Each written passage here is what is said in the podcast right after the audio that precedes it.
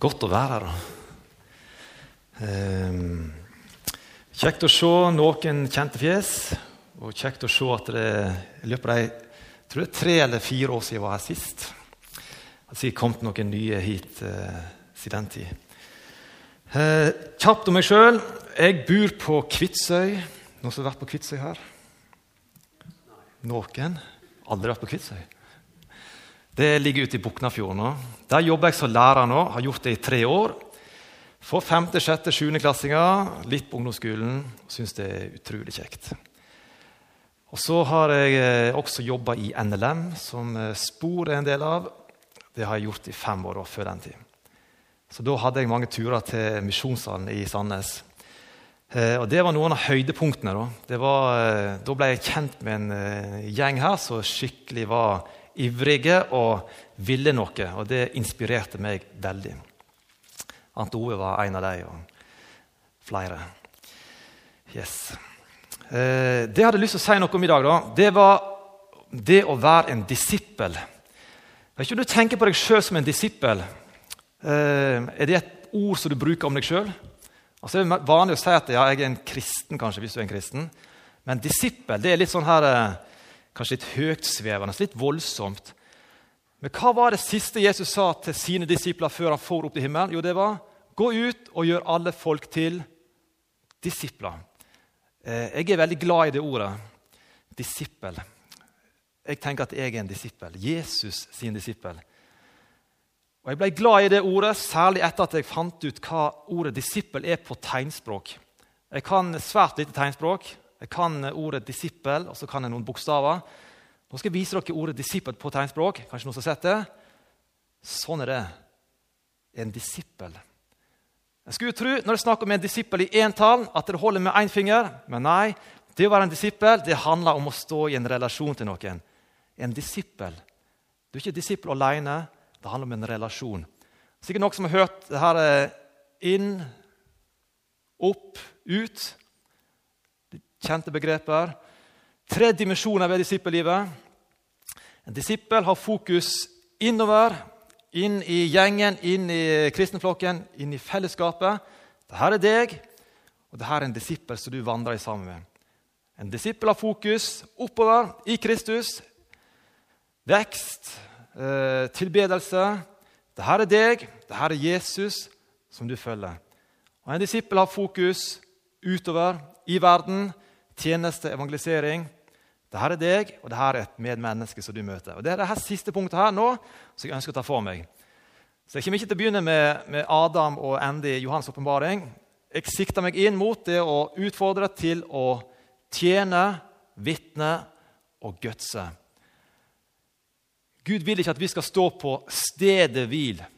Gud vil forandre oss hver dag. Han vil skape noe i oss. Vi skal begynne med en fortelling som vi finner i Matteus 17. Der kan vi lese om Jesus som tar med seg eh, Peter, Jakob og Johannes opp på et høyt fjell. Eh, og Der skjer det noe med Jesus. Rett foran øynene på disiplene så blir Jesus forandra. Alt på Jesus begynner å skinne med et blendende lys. Og Så kommer plutselig Moses, da, som har vært død i 1500 år, og begynner å prate med Jesus. Og Attpåtil kommer Elia fra 800-tallet før Kristus så snakker de sammen med Jesus. Moses, Elia og Jesus. Og Som tilskuere står altså da Peter, Jakob og Johannes. Tenk for en opplevelse! Tenk deg at du fikk se plutselig så Moses der og Elia sammen med Jesus. Hva skal du si når du opplever noe sånt? Jeg vet ikke om Peter sånn i ettertid var veldig fornøyd med det som han klarte å trykke ut som en kommentar. For Det han sier da, det er det er godt at vi er her. La oss bygge tre hytter. Her har de hatt en gudsopplevelse av en annen verden. Og Peter han vil finne fram hammer og spiker. Ganske kreativt. Hvordan skal vi forklare det her? Jo, Noen sier det. Peter han, eh, han er sånn teologisk. Han trekker tråden bak, tilbake til en sånn jødisk fest. Løvhyttefesten. Så han ville bygge ei hytte. Men altså, Peter var ikke akkurat den store teologen. Iallfall ikke når han ble litt stressa. Andre tenker Peter han ble skikkelig forfjamsa. Og så var det bare det som datt ut. Eh, andre tenker at eh, Peter vil ha ei hytte, noen bygninger, og vende tilbake til som et sånn pilegrimsmål. Jeg syns den beste forklaringen er at Peter han snakket rett ifra hjertet. Det var en spontan uttalelse som kom. Peter tilhørte Jesus, og det lå i hjertet hans en trang om å tjene Jesus. Så ville han bygge ei hytte for ham, eh, tilby sine tjenester. Det kom fra hjertet, det kom spontant. Den du tilhører, den vil du tilby dine tjenester. Den du tilhører, den tjener du. Sånn er det i arbeidslivet. Nå eh, tilhører jeg eh, Kvitsøy kommune. Da. Jeg jobber som lærer. Og Derfor er det Kvitsøy kommune som mottar mine tjenester. Den du tilhører, den tjener du. Sånn var det for Peter. Han tilhørte Jesus og ønska å tjene han. Og Sånn er det også ellers i Guds rike, i åndelig sammenheng. Og Her er det ingen som slipper unna. Det er ingen som kan si om seg sjøl 'Jeg er min her egen herre'. Jeg er uavhengig, jeg er fri, min egen sjef. Du kan gjerne tro at du er det, men det er et sjølbedrag. Du vil aldri kunne være nøytral. Lukas 14, Jesus sier, 'Den som ikke er med meg, den er imot meg'. Du vil alltid være noens eiendom. Du vil alltid, i en eller annen grad, på en eller annen måte, tjene en herre. Enten det er snakk om Gud eller djevelen. Selveste Bob Dylan han har skrevet en sang om det her. Jeg har ikke engelsk som fag på skolen, så jeg advarer dere. You're gonna have to serve somebody. Well, it may be the devil or it may be the Lord, but you're gonna have to serve somebody. Altså, du må tjene noen. Fordi du tilhører noen. Eh, jeg har lyst til å ta med en liten sånn eh, parentes.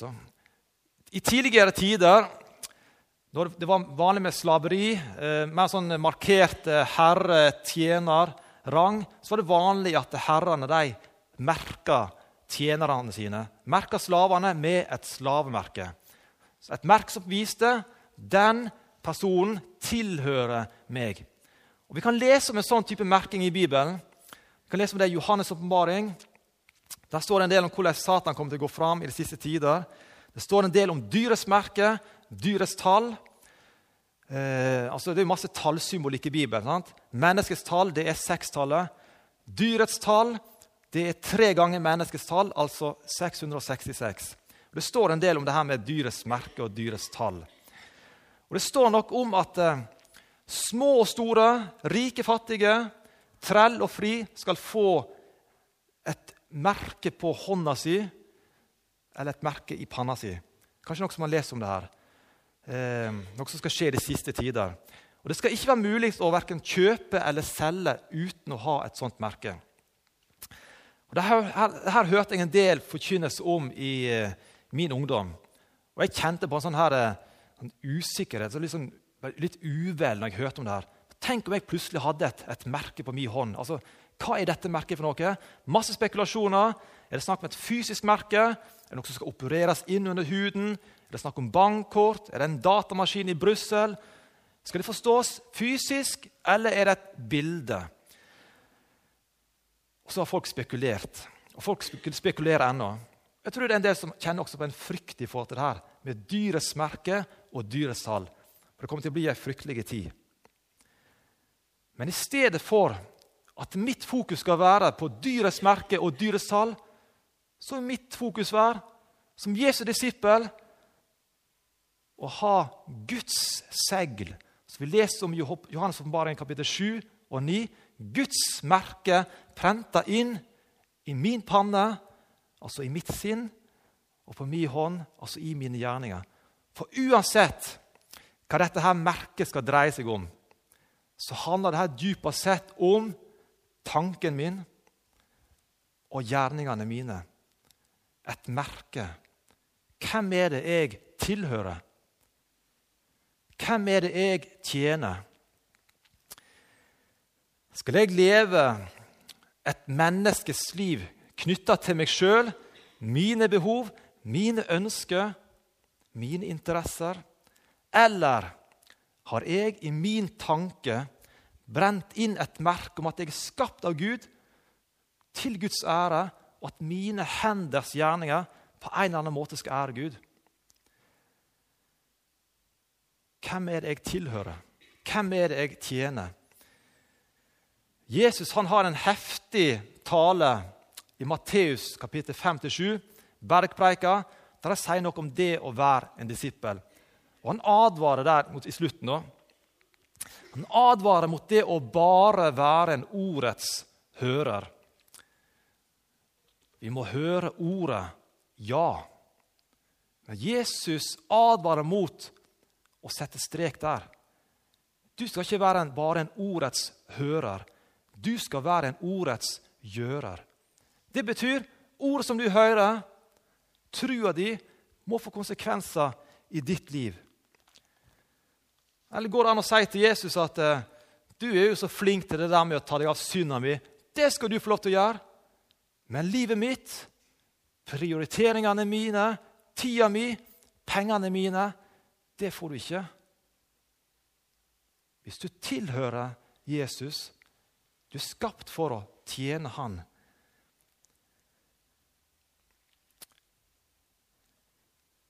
Du som er en Jesu disippel, du har fått Den hellige ånd, du er merka av Gud.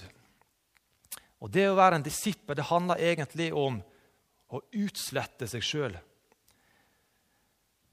Det handler om å overgi råderetten for livet mitt til Jesus. Hva det står i Galaterbrevet 2,20? Et ganske kraftig vers. Det står 'Jeg er korsfesta med Kristus'. Jeg, jeg lever ikke lenger sjøl, men Kristus lever i meg. Det livet jeg nå lever i kjødet, det lever jeg i trua på Guds sønn, han som elsker meg og ga seg sjøl for meg. Den du tilhører, han tjener du. Og Da snakker vi om 24 timer i døgnet. Det betyr at hele livet ditt skal være en tjeneste for Gud. En gudstjeneste. Det er Noen som tror at ordet gudstjeneste handler om noe som skjer en søndags formiddag fra klokka 11 til 12.15 eh, i ei kirke. Men gudstjeneste det handler ikke om et møte. Det handler om en livsstil. Det handler om livsstilen til en disippel. Og Jeg er ikke godt dere kjenner salmeboka. Mathias Orheim han er en salmist som har skrevet noen fantastiske bra salmer. En av de heter 'Hverdagskristen vil jeg være'. Noen som har hørt den? Ja, Utrolig bra tekst på den. Eh, og Der står det 'Hverdagskristen vil jeg være, syn for segn'. Det krever Guds ord. Så står det en fascinerende setning. 'Hverdagskristen døypt til yrke'. For noen uker siden var jeg i dåp. Det er en som jeg ble onkel til for ikke så lenge siden. Og Han ble døpt med sånn full neddykking. Har dere sett det noen gang? Da hadde de litt sånn store sånn, uh, mørtelbøtter så de hadde selvsagt pynta litt. Og så var det sånn at den skulle døype, blåse litt i ansiktet. og Da skal det her lukkemekanismene tre i kraft, og da er det bare å dyppe ned og så opp igjen. Da ikke han blåse så veldig, for det ble litt host og hark. Men han ble døpt. Og jeg synes det er ganske et sterkt bilde på det som skjer i dåpen. Mennesket, Det som skjedde når jeg ble døypt Jo, mennesket Stian ble drukna, utsletta, og så reiste Gud opp en ny skapning som han satte sitt merke på. Du er min. Du er skapt av meg. Du skal leve for meg. Det er ditt livskall. Det er ditt yrke. Hverdagskristen, døypt til yrke. Så står det noe videre i denne her. Vigslar heim og hall til kyrkje, kjøkkenkrå og handelsbu. Vigslar heim og hall til kyrkje. Altså heimen din, arbeidsplassen din, det skal være ei kirke for deg. Tenker du på det i morgen tidlig når du er på vei til jobb? Nå skal jeg til kirke. Det er faktisk sant. Der skal du få til å tjene Gud. På arbeidsplassen din, hjemme, i nabolaget. Tjene Gud med de evner og gaver han har gitt deg. Så fins det uendelig mange måter å tjene på. Og Gud er den kreative. Men det starter på det samme utgangspunktet. At du og jeg stiller oss til Guds disposisjon og sier 'Her er jeg. Bruk meg.' Og så vil Gud vise vei. Tjene. Du tilhører Jesus og må tjene han. Det andre stikkordet det var å vitne. Eh, og her vil jeg si at eh, Det å være et vitne og det å være en evangelist det er ikke nødvendigvis det samme. Dere har sikkert hørt historier, altså vitnesbyrd. Folk forteller om eh, spesielle hendelser. De sitter enten på eh, et fly eller en tog, møter på en bussplass. De kommer i snakk med noen, og så ender det med en salig omvendelse. Og så kan de sitte der og tenke skulle ønske det der skjedde også med meg. Det er evangelistene som gjerne opplever den type ting. Jeg er ingen evangelist. Eh, I Bibelen så blir Timoteus og Philip tatt fram som evangelister. Det å være en evangelist det er en nådegave. En egen gave som Gud gir til noen få personer. Så skal jeg slippe å streve etter å skulle være en evangelist. Jeg skal tro at Gud har gitt meg andre gaver. Men om jeg ikke er en evangelist, så er jeg et vitne. Um, alle kristne er vitner. Vitne det er ikke noe som du gjør. Det er ikke noe du gjør da vitner jeg, og da vitner jeg, og da vitner jeg. Vi tenker ofte på det som vi gjør, noen spesielle hendelser. Kanskje episoder der vi klarte å si noe om Jesus, kanskje reiste oss på et møte, sa noe. Da vitner vi. Men hva var det Jesus sa til disiplene? Jo, dere er mine vitner. Det handler om en tilstand, noe varig, en kronisk tilstand. Dere er mine vitner. Det å vitne det handler ikke først og fremst om å gjøre, det handler om å være. Det betyr at jeg med hele mitt liv, alt jeg gjør, alt jeg sier, bærer et vitnesbyrd om Han som har skapt meg og frelst meg, Han som er min herre og mester. Så er jeg kanskje noen ganger et slapt vitne, et beskjedent vitne, et ivrig vitne, men kan ikke la være å være et vitne. Um, og nå har jeg lyst til vi skal ta oss og reflektere litt over oss sjøl. I hva grad er du, med hele deg og hele ditt liv, et vitne for Jesus? Og Til hjelp i denne refleksjonen så skal du få til å tenke over ditt eget rykte. For du har et rykte på deg blant mennesker som ikke er kristne ennå. Du har et rykte. Jesus hadde rykte på seg, og da må jo mitt mål å bære det samme ryktet som Jesus bar. Og Jesus sitt rykte det var at Jesus han er synderes venn. Er du synderes venn? Eh, det har jeg tenkt litt over. Jeg tror den mest effektive måten å være et vitne på, det er ved å være synderes venn. Og Da må vi ha fått sett noe i evangeliet. Hva var det som gjorde Jesus til synderes venn? Vi skal se på en episode i, i eh, Johannes 8. En av de sterkeste historiene der dette kommer fram. Jesus som synderes venn. Der står det om ei kvinne som kommer framfor Jesus. Hun ble ført fram av noen fariseere og noen skriftlærde. Var tatt på fersk gjerning i ekteskapsbrudd. Og så var det et lovbrudd som jødiske lover sier at hun skulle steines. Romerne de forbød jødene å utføre dødsstraff. Så da sitter Jesus i saksa. Hva skal han si? Vil han adlyde Moseloven eller adlyde romerske lover? Så står det fra vers nummer 6, Johannes 8. Jesus bøyde seg ned og skrev med fingeren på jorda. Altså i forhold til anklagene. da. Han fikk spørsmål hva skal vi gjøre med denne kvinnen. Men da de fortsatte å spørre ham, rettet han seg opp og sa til dem.: Den av dere som er uten synd, han skal kaste den første stein på henne. Så bøyde han seg ned igjen og skrei på jorda. Men da de hørte dette, gikk de bort én etter én, de eldste først. Jesus ble alene tilbake med kvinnen som sto der. Da rettet Jesus seg opp og sa til henne, 'Kvinne, hvor er De? Har ingen fordømt deg?' Hun sa, 'Ingen Herre.' Og Jesus sa, 'Heller ikke jeg fordømmer deg. Gå bort og synd ikke mer.' Jesus var synderes venn. Og Det var et rykte som oppsto Og det var et sant rykte. For hva var det med Jesus? Står det i Johannes 1, 17, Loven ble gitt ved Moses. Nåden og sannheten kom ved Jesus Kristus. Der ligger nøkkelen for Jesus. Jesus var full av nåde og av sannhet. Og Her kjenner jeg sjøl at jeg kommer til kort. Vi mennesker kommer til kort. Det er så fort gjort å eh, havne i ei grøft. Og så er man full av nåde, full av sannhet. Jeg føler av og til at vi kristne vi er enten full av det ene eller det andre. Enten full av sannhet eller full av nåde, og så blir det på en måte ikke Regnestykket går ikke opp. Noen blir så opptatt av sannheten, det å løfte fram læren, løfte fram Bibelens bud og krav, kanskje særlig i møte med sånn et læremessig forfall. Jeg føler at det nå Bibelen på en måte smuldrer opp i dagens samfunn. Så løfter de fram sannheten, men så skjer det med ganske harde ord. Eh, kristne har gjerne et rykte på seg for å være fordømmende. Det har dere sikkert hørt. Det er typisk sånn at De kristne de er så fordømmende. Så kan vi vifte det vekk og si at eh, ja, men herlighet, jeg sier jo bare det som står i Bibelen. Det er ikke jeg som fordømmer, det er Bibelen som dømmer folk. Det kan godt hende det er sånn. Men jeg har jo en, en svær utfordring.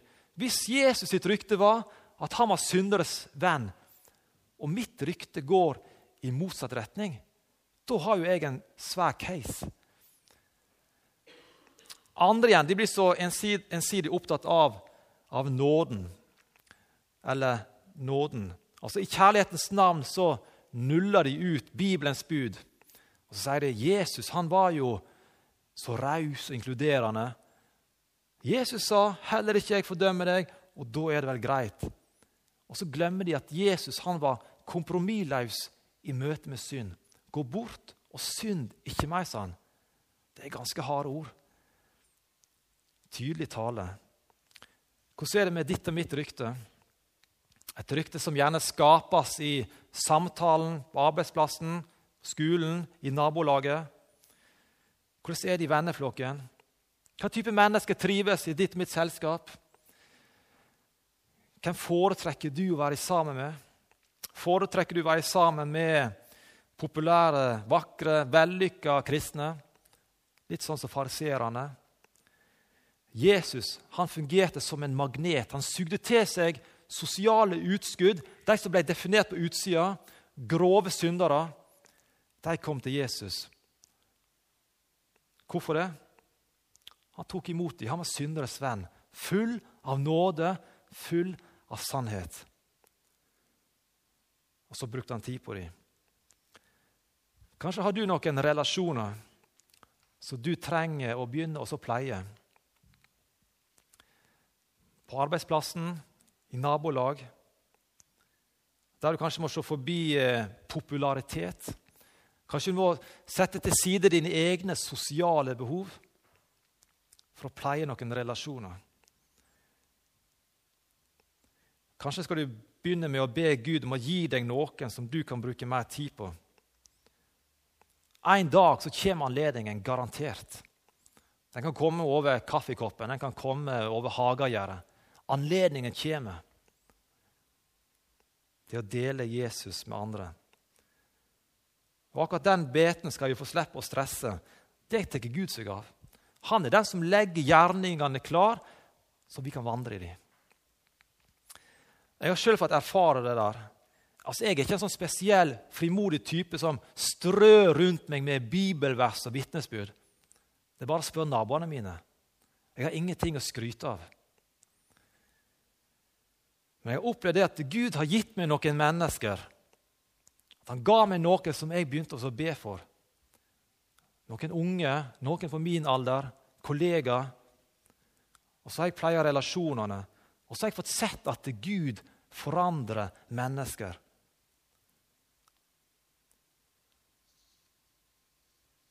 Er vi villige til å bruke den tida, ta det initiativet? Jeg er sikker på at det kommer opp noen, kanskje ansikter eller navn, i ditt hode. Kanskje er det noen personer som Gud gir til deg. Begynn med å be for dem. Og så kommer anledningen.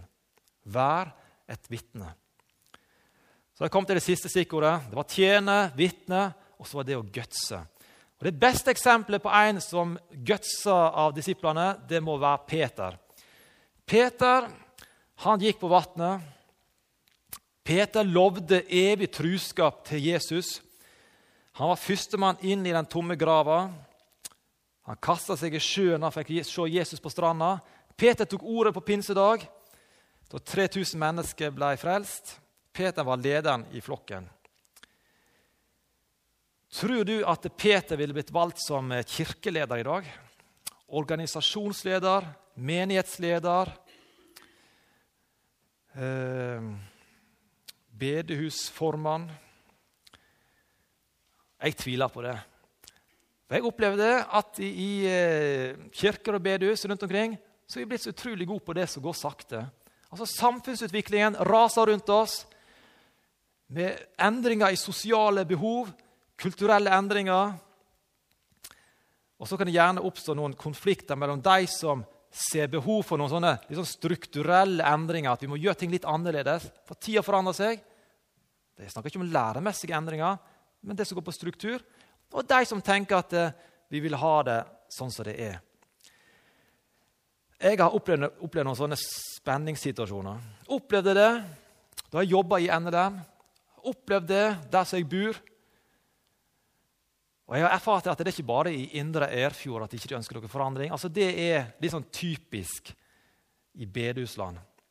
Og I et slikt klima så kan det bli så trange kår for disipler som ønsker å gutse. Noe av det som inspirerte meg da jeg kom til misjonssalen og ble kjent med noen av lederne her første gang, det var i 2003. Da hadde de nettopp starta opp eh, Spor. Var ikke det i 2002 eller 2001? Det var på en måte i startgropa.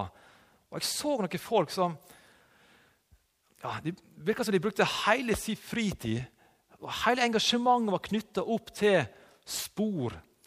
Altså, de ønska å, bruke livet sitt til, til Guds ære og, og, våge å gjøre noen nye grep.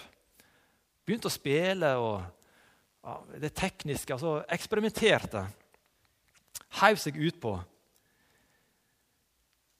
Den engelske en engelsk prest som heter Mike Breen.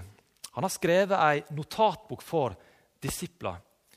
Og Der skiller han mellom ulike typer mennesker. Han skiller mellom pionerene og settlerne. Eh, litt sånn svart-hvitt. De fleste har noe av begge deler. Men altså, vi har pionerene og settlerne. Og Da Amerika ble inntatt, så så en tydelig hvem som var hvem.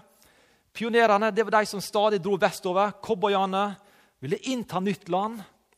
Vågde å, å se det, det, nye og det, det fremmede i øynene. Eh, settlerne de kom etterpå. Slo seg ned, dyrka jorda, bygde byene. Slik er det også i kristent arbeid. Noen er litt cowboyer. Liker utfordringer, liker å se at det, noe, at det skjer noe nytt liker spenningen.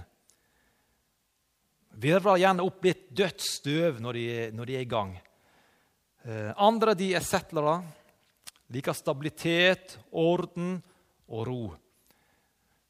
Jeg tror det var ganske mange cowboyer i spor i 2001-2002. Hvordan er det nå? Det vet jeg ikke. Jeg håper at cowboyene også lever godt i misjonssalen nå. For jeg tar det her med Altså Alle har litt av begge deler. Alle forsamlinger har både settlere og cowboyer. Jeg tar det her med, for jeg opplever det at eh, i bedehusmiljøene, særlig på Sør- og Vestlandet, så har ikke en vært så veldig flink til å ta vare på pionerene. De har gjerne fått boltre seg når det gjelder bygging av bedehus, oppussingsprosjekter. Men når det gjelder det som skjer på innsida, virksomheten, så er det en del som har blitt utsatt for det vi kan kalle for lysslukking. De kom med en gnist, et engasjement, ønska å gjøre noe. Men så møtte de et system. De møtte en erfaring. Og så møtte de noen endringskritiske voksne. Og Den kombinasjonen mellom en, en ivrig, litt sånn cowboyaktig ungdom og en som er litt sånn endringskritisk eh, voksen settler Dere skjønner bildet, sant? Da blir det krasj. Og jeg tror forsamlinger rundt omkring har mista ufattelig massevis av ungdommer. En del har bare forsvunnet vekk fra forsamlingene. I beste fall har de funnet seg en ny forsamling. I verste fall har de forsvunnet vekk fra det kristne fellesskapet. Jeg håper pionerene blir godt, blir godt tatt vare på i spor. Jeg håper ikke det at en slår seg til ro. Jeg synes Det var befriende å komme her og se at det spor i 2008, hvis det var det sist, ikke er det samme som spor i 2011. For Det må være dynamisk, det må være endring. Ta vare på pionerene. De er viktige for det å nå nye generasjoner. Det å se etter forbedringspotensial, søke nye utfordringer, utvikle fellesskapet. Vi må våge å gutse. Som enkeltmennesker og som fellesskap.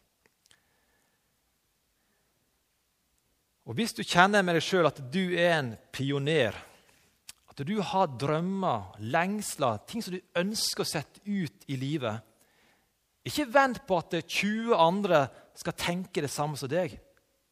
Det er bare å sette i gang. Hvis det er noe som Gud kaller deg til å gjøre, så vil han sørge for alt det du trenger. Det kan gjelde evangeliseringsprosjekt, det å lage et barnelag for ungene i nabolaget, samtalegruppe med kollegaer Det er ingenting å vente på. Tjene, vitne, gutse. Skal vi be. Takk, Jesus, for at du eh, plukka ut tolv disipler som ikke var noen sånn ekstraordinære mennesker. Takk at du kan bruke oss som er her. Takk at du har skapt oss og ønsker å merke oss at vi kan få tilhøre deg. Må du skape en trang i mitt hjerte om å få tjene deg med hele mitt liv, hver dag, hvert et sekund. Og må du tilgi meg at egoismen er det som ofte styrer i mitt liv. Hjelp meg til å være et vitne, hjelp meg til å være synderes venn. Og hjelp meg til å våge store ting i ditt rikes arbeid. Må du velsigne den flokken som er samla her. Velsign lederne. Utrust dem og gi dem det som de trenger. Amen.